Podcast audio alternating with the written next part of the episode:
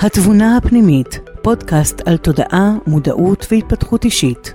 בהנחיית יפעת ברכה, יועצת ומלווה עסקית, מנחה ומלמדת תודעת העל, מייסדת ומנכ"ל של מעגל תנופה.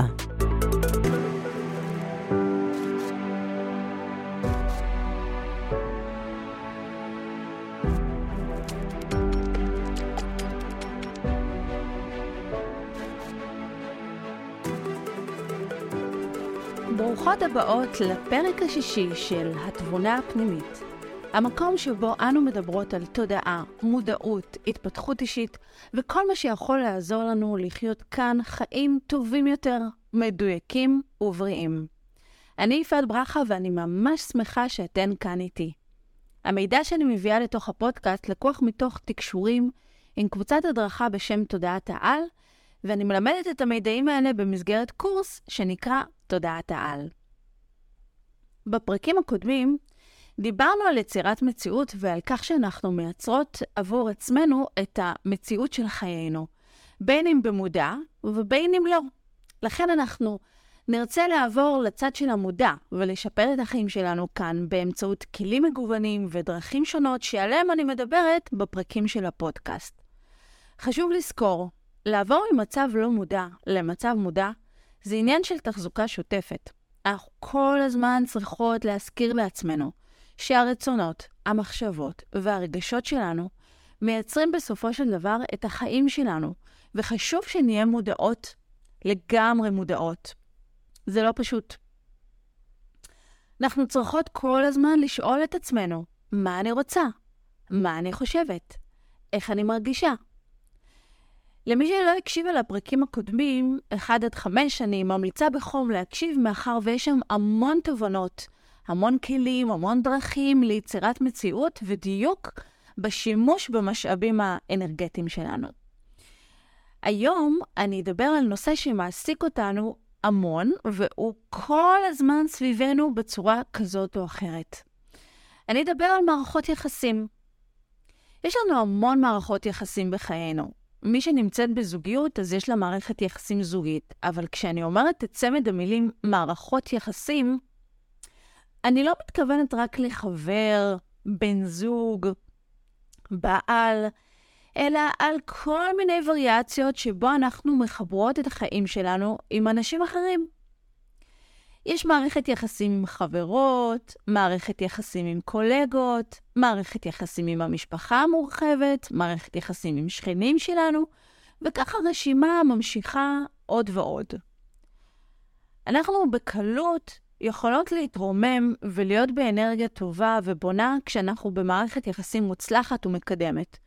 ובאותה קלות אנחנו יכולות גם ליפול רגשית, ליפול מנטלית, כשאנחנו נמצאות במערכת יחסים שהיא לא מקדמת, שהיא סוג של מוצצת מאיתנו אנרגיה, מרוקנת, אולי מקטינה. אני אוהבת לדמות את היחסים שלנו עם אנשים למרינדה, מונח שבכלל לקוח מעולם הבישול. הרי אם אנחנו נרצה להכין שניצל, או סטייק טעים, פרגית אולי, אז אנחנו נשרה את זה במרינדה. שם יהיו כל מיני טעמים טובים, תבלינים טעימים שיחדרו אט-אט לבשר והשפיעו עליו לפני ואולי גם במהלך הבישול. אותו דבר עם מערכות יחסים סביבנו. באיזה מרינדה אנחנו טובלות את המוח שלנו, את ה mind שלנו? האם אנחנו מקפידות שהמרינדה שלנו תהיה איכותית, או אולי לא? בשביל זה אנחנו צריכות להיות במודעות גדולה יותר. להתבונן על מערכות יחסים, לבחון אותן, לדייק אותן תוך כדי תנועה. בואו ניתן נקודת מבט גבוהה יותר על הנושא של מערכות יחסים. אז בפרקים הקודמים דיברתי על כך שאנחנו באות לעולם הזה כדי לחוות דרך מסוימת. התפתחות, צמיחה, דרך מה שקראתי לו בפרק 4, תסריט הלימוד. לכל אחת ואחד יש את כיוון החיים האישי שמכיל סוג של תסריט, ודרך החוויות הארציות אנחנו מתפתחים וממלאים את ההולוגרמה שלנו. לאותו תסריט לימוד שהוא אישי וייחודי לכל אחד, יש גם מה שנקרא תסריטי חיבור. זאת אומרת, מערכות יחסים עם המון נשמות אחרות שבאות לתרום ולקדם אותנו.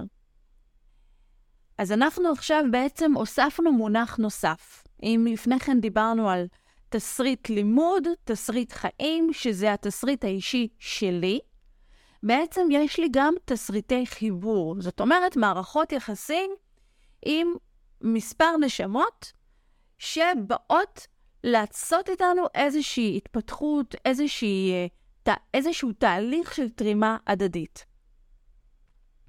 כאשר אנחנו נמצאות בהרמוניה עם נשמות אחרות, מייצרות חיבורים וקשרים חיוביים ומקדמים, אנחנו מרגישות שאנחנו נטענות, מתפתחות. ברמה הקוסמית הגבוהה, אני אפילו יכולה לומר שאנחנו מוגנות, כי ההרמוניה מגנה על הנשמות מפני החושך. אנחנו לא אוהבות את הלבד. אפילו אם נסתכל על המונח שנקרא הנאה. אנחנו לא אוהבות ליהנות לבד. יצא לכם פעם לחוות מצב שאתן חוות משהו ורוצות ליהנות ממנו, אבל תוך כדי עולה לכן המחשבה ש...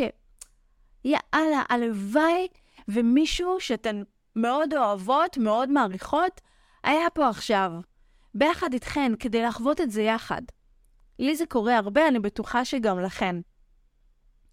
אולי אפילו אתן רושמות לעצמכן את הרשמים והחוויות בראש, כדי שכשתחזרו הביתה, אז תוכלו לספר לאותו אדם חשוב בחייכם על ההנאה, על החוויה שהייתה לכן. כשאנחנו חוות משהו טוב, טעים, כיפי, יש לנו מעין השתוקקות פנימית לשתף. ההנאה שלנו נובעת מחיבור למרכז האנרגטי של הלב. אם מרכז הלב לא פועל בתקשורת עם אף אחד אחר, אנחנו לא נהנה ואנחנו עלולים להיכנס למצב שלא אכפת לנו מהכלל. ובמצבי קיצון זה גם יכול לפגוע בתסריטי אלימות שלנו. לא סתם אומרים, לא טוב היות האדם לבדו. כשהגענו לבריאה הזאת, הדבר הראשון שיצרו זה את המערכת ההרמונית שמחברת בין כולם. כשנוצר כדור הארץ וירדנו לגוף אדם, ואז היינו צריכים להמיר את ההרמוניה ברמה התדרית-תאורטית להרמוניה ברמה פיזית. כי כאן אנחנו כבר לא רק רוח, אלא רוח בגוף. זה דבר שלא היה טבעי. היה צריך לחשוב איך עושים אותו. כי המהות שלנו, הנשמה, החלק העליון שלנו, יודע לעבוד באופן עצמאי, באופן אישי. וכאן אנחנו חייבים הרמוניה, אנחנו חייבים חיבורים. אז איך עושים את זה? עוד בשלב הראשוני של הנוכחות שלנו כאן, כלומר, בלידה, יש להורים אהבה ללא תנאי לילדים שלהם. כל מערך הלידה שלנו מייצר הרמוניה. קשר דם הרבה פעמים מייצר מערך הרמוני חזק מאוד, נוצרת מחויבות. לא סתם יש את המשפט דם סמיך יותר ממים. ממש הטביעו בנו את הנושא של משפחתיות, וזה חלק בלתי נפרד מהאנושיות שלנו. איפה ניתן לראות את זה הכי חזק? בצורה הכי קיצונית. דווקא במשפחות עם אלימות. לפעמים יש ילדים שחוטפים כל כך הרבה מההורים שלהם, אבל עדיין כמהים לקשר, לקבלה, לחיבור. זאת כמובן דוגמה ממש קיצונית שמראה לנו כמה הנושא של משפחתיות וכמיהה להרמוניה, לחיבורים, כמה זה בעצם נמצא בתוכנו. מתי נוכל לראות חוסר הרמוניה? כשאין נקודות של שיווי תדר. כשאנחנו מנסות לחבר דברים שלא ילכו יחד בשום מצב. כשאנחנו מתעקשות להתחבר לאנשים שלא מתאימים לנו. זה שותה את הכוחות שלנו, זה מוצץ את האנרגיה מתוכנו. אין לזה מימון, ואנחנו צריכות לייצר גשר בין התדרים. הגשר הזה נבנה באמצעות אנרגיה נוספת שאנחנו משקיעות. ואם אין לזה מימון, כאן בעצם נמצא המקום שזה מרוקן אותנו אנרגטית, כי כשאנחנו בונות את הגשר הזה, אנחנו צריכות לייבא אנרגיה נוספת, אנרגיה שהיא לא שייכת לנו, שהיא לא אצלנו. ולכן יש מערכות יחסים שאנחנו פשוט מרגישות חסרות אנרגיה בתוכן. בטווח הארוך, אם נתעקש להתחבר וליצור מערכות יחסים לא בריאות, כאלה שלא מתאימות לנו, אנחנו עלולות לגרום ממש לסטייה מתסריט הלימוד שלנו.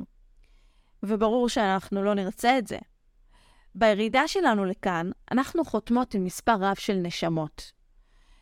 החתימה היא על חיבור באמצעות תדר משותף. האנרגיה הזאת של החתימה זורמת בעץ הספרות. אז מה זה בעצם עץ הספרות? זה מבנה אנרגטי הבנוי מעשרה עיגולים אנרגטיים, שנקרא להם ספרות.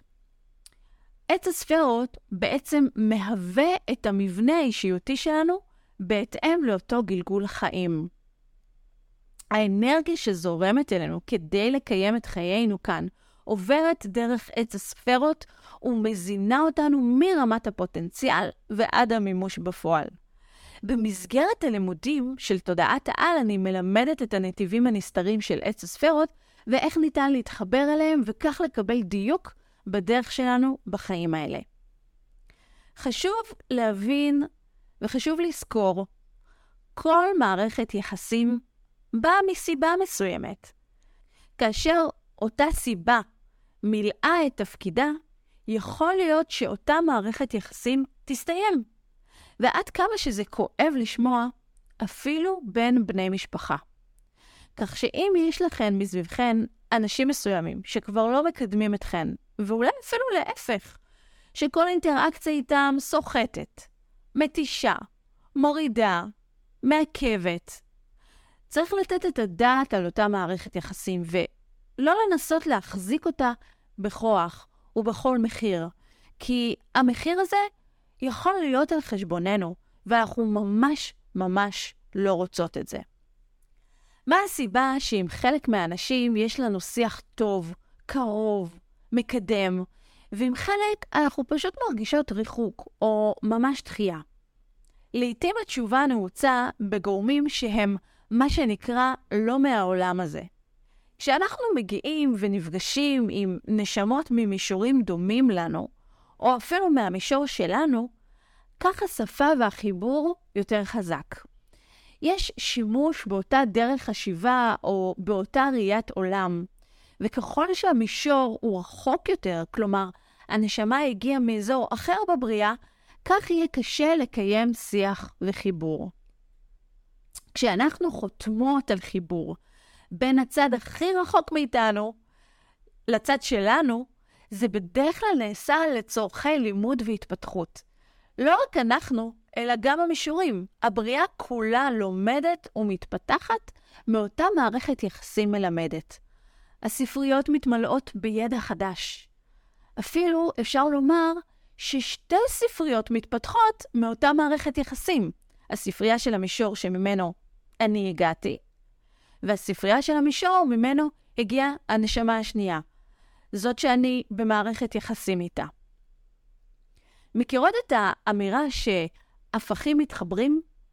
זה יושב בדיוק על הנקודה הזאת. שיש מצב של הפכים שמתחברים, החיבור הוא חתימה שיצרה שיווי תדר למרות ההיפוך. ולמה? על מנת ללמוד אחד מהשני, לצמוח, להתפתח יחד. כשמערכת יחסים שחתמנו עליה משיגה את המטרה שלה, אפשר להמשיך יחד וליהנות, אולי עד הסוף, עד סוף החיים, או להיפרד, ואולי אפילו לייצר מערכת יחסים אחרת. כל המטרה של מערכת יחסים זה לתמוך בנו בתהליך מסוים, וכאשר התהליך מסתיים, בהתאם לכך יכולה להסתיים גם אותה מערכת יחסים. בתקשורים של תודעת העל, אנחנו יכולות לראות יחסית הרבה פעמים שמתייחסים ומדברים על מערכות יחסים ותסריטי חיבור. למה? למה כל כך הרבה פעמים מדברים על זה, מתייחסים לזה מכל מיני כיוונים, מכל מיני זוויות? מה הם רוצים שנלמד? אנחנו לומדות את המידע הזה כדי שלא נבזבז אנרגיה על דברים שכבר לא משרתים אותנו, ועל התמודדויות מיותרות. מערכות יחסים הן נדבך מאוד חשוב במהלך החיים שלנו. וככל שנוכל לדייק את היחס שלנו בתוך מערכת יחסים ואת ההתנהלות שלנו, כך נוכל לחיות חיים מדויקים יותר, שמחים יותר, וכמובן, להיות במרכז הבמה שלנו, מרכז הבמה של חיינו, להצליח בתסריט הלימוד הנשמתי הגבוה שלנו. אי אפשר לדבר על מערכות יחסים בלי לדבר על אהבה. כולנו רוצות אהבה, ואנחנו רוצות שהיא תהיה אהבה נכונה, אהבה טובה, עם הרמוניה נכונה. כשאני אומרת הרמוניה נכונה, הכוונה היא שיהיה שם חיבור נכון. חיבור בראש ובראשונה ברמה התדרית. כדי להגדיר אהבה נכונה, אני אשתמש בשתי מילים, הבנה ועזרה. אם אנחנו לא מבינות מישהו ולא באמת יכולות לעזור לו, אז אין שם באמת אהבה. כדי ליצור אהבה נכונה, אנחנו צריכות להסכים לראות דברים שאין בנו, כי לא כולנו אותו דבר. והרעיון שעומד מאחורי אהבה הוא ללמוד לראות את השונה ולהבין אותו. כלומר, להיפרד מהרצון או מהציפייה שכולם יהיו כמוני, ועצם היותם כמוני יהיה הבסיס לאהבה. זה לא נכון. אנחנו מתבקשות להבין את האחר, ולהבין מה יעזור לו להתפתח, מה יעצים אותו. גם, ואולי במיוחד, אם זה ממש לא מדבר אלינו. אנחנו מדברות כאן על עזרה הדדית, לא נתינה הדדית. חשוב לזכור, כשאנחנו עוזרות למישהו אחר בצורה נכונה, אז לא חסרה לנו אנרגיה. חסרה אנרגיה רק בנתינה לא נכונה. כשאנחנו נותנות בצורה לא נכונה, לא בריאה, זה מגיע על חשבוננו, וזה זולל לנו את המצבר האנרגטי שלנו. דבר נוסף וחשוב בעניין העזרה, אנחנו יכולות לעזור רק למי שגם רוצה לעזור לעצמו. כשאנחנו יודעות לעזור למי שעוזר לעצמו, אנחנו לא מתעייפות. לעומת זאת, כשאנחנו עוזרות למי שלא עוזר לעצמו, אנחנו מתעייפות ונותרות מרוקנות וללא סיפוק. אנחנו לא חייבות לקבל באותו רגע משהו מאותו אדם. מספיק שהוא עוזר לעצמו עם העזרה שלנו, ואנחנו כבר נקבל חזרה את האנרגיה שנתנו לו ממקום אחר. כל זאת בתנאי שהוא אכן עוזר לעצמו ומתקדם. זה על אותו עיקרון של לתת דברים בחינם. אם אין אנרגיה שחוזרת, אנחנו מתרוקנות. ומה קורה כשאנחנו עוזרות למישהו שלא עוזר לעצמו, שלא מתקדם הלאה לשלב הבא בחייו? אז מעבר לזה שאנחנו מתרוקנות, ועל זה כבר דיברנו, יש דבר נוסף שמתרחש. נוצר חוב אנרגטי. אותו אדם, נשמה, מהות, נמצאת בחוב אנרגטי מולנו, וזה משהו שאנחנו לא רוצות. ולמה? כי שוב, אנחנו חוזרות לעניין התדרים והשיווי שביניהם. ברגע שיש חוב אנרגטי, הוא יושב כמו רעל בין שתי הנשמות, ולא מאפשר להן לקיים מערכת יחסים תקינה ומקדמת. בואו נדבר על המילה קבלה. הרבה פעמים במערכות יחסים, בעיקר זוגיות, אנחנו שומעים את המשפטים, אני רוצה שאת תקבלי אותי כמו שאני. אני רוצה שאתה תקבל אותי כמו שאני. אני לא רוצה שינסו לשנות אותי. אני לא רוצה להשתנות בשביל מישהו אחר. אני מחפשת קבלה מלאה, וכן הלאה. בטח גם שמעתן את המשפטים האלה בכל מיני תוכניות ריאליטי שמפגישים בין שני אנשים ומנסים לבנות זוגיות. המון פעמים בני הזוג לא רוצים להשתנות ומחפשים שימצאו וישטחו להם מישהו שיקבל אותם בדיוק בדיוק כפי שהם. אז בואו נעשה בזה סדר. במושג אהבה אין כוונה לקבל את הצד השני, אלא להבין אותו. בואו נוציא, פשוט נוציא מהלקסיקון שלנו את המילה לקבל, ונחליף אותה עם המילה להבין. אי אפשר לחיות או להיות במערכת יחסים עם אדם שלא מתקדם ולא מתפתח. אם אנחנו נמצאות במערכת יחסים ומקבלות את אותו אדם ללא תנאי, אז אנחנו בעצם מייצרות לו קרקע פורייה לחוסר התפתחות. אני מביאה כאן קטע קטן מתוך הספר שלי, פוקחת עיניים, שם אני מסבירה את העקרונות של לימודי תודעת העל יחד עם חוויות מחיי האישיים ומנשים שליוויתי במעלה הדרך. הקטע המצורף הוא מתוך פרק שנקרא לנטרל את רעשי הרקע. בחרתי אותו כי הוא נותן עוד נקודות מבט על המקום שלנו בתוך מערכות יחסים. כאשר אני חווה קושי כיום, אם זה במערכות יחסים או בעסק, אני יודעת שהדרך היחידה לשנות את המציאות שלי היא לעשות שינוי פנימי ואותו לתקשר ולהדהד החוצה. וכן, זה לא פשוט. לא קל להיות בסיטואציה שבה האנשים סביבך, ביניהם הקרובים לך ביותר, מבטאים מחשבות ותפיסות עולם שרחוקות מאוד ואולי אפילו מנוגדות לתפיסותייך. מאתגר עוד יותר לשמור על דרכנו בסיטואציות שכאלה ולהמשיך לאחוז באמונה פנימית חזקה ובהקשבה עצמית. ועם זאת, בחלוף השנים זה הוכיח את עצמו. ככל שאני מדויקת יותר עם עצמי ונאמנה לדרך שלי, לטבע שלי, לתסריט שלי, ככה אני מתמלאת באנרגיה. המילה אנרגיה מגלמת בתוכה בריאות, שמחה, בהירות מחשבתית, איזון רגשי וכיוצא בזה. היא יכולה להתבטא גם באמצעות כסף ובאופנים חומריים אחרים. כאשר אני נאמנה לעצמי, קל לי יותר לנטרל את רעשי הרקע. כדי לנטרל את הרעשים הללו, העבודה שלנו צריכה להתמקד באופן שבו אנחנו תופסים את עצמנו. עלינו לשאול את עצמנו לאיזה מהרצונות שלנו אנחנו מעניקים ביטוי. מהם המחשבות והרגשות המרכזיים שלנו, ואיך מתקשרים אותם החוצה. כלומר, במקום להשקיע אנרגיה עצומה בשינוי התפיסות המחשבתיות של האנשים שסביב, עלינו להשקיע את מירב האנרגיה בעולם הפנימי שלנו. עם הזמן, כאשר נקצור את הפירות, נגלה שהעבודה הפנימית השתלמה והיא מתבטאת גם כלפי חוץ.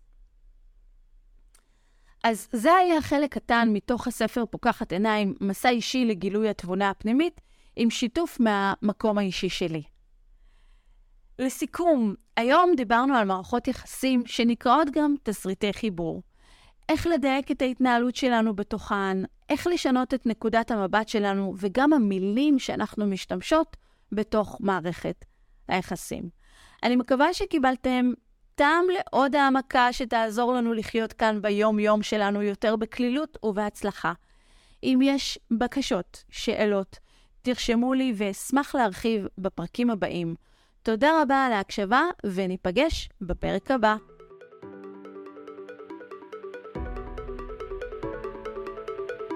תודה שהאזנתן לפודקאסט התבונה הפנימית עם יפעת ברכה.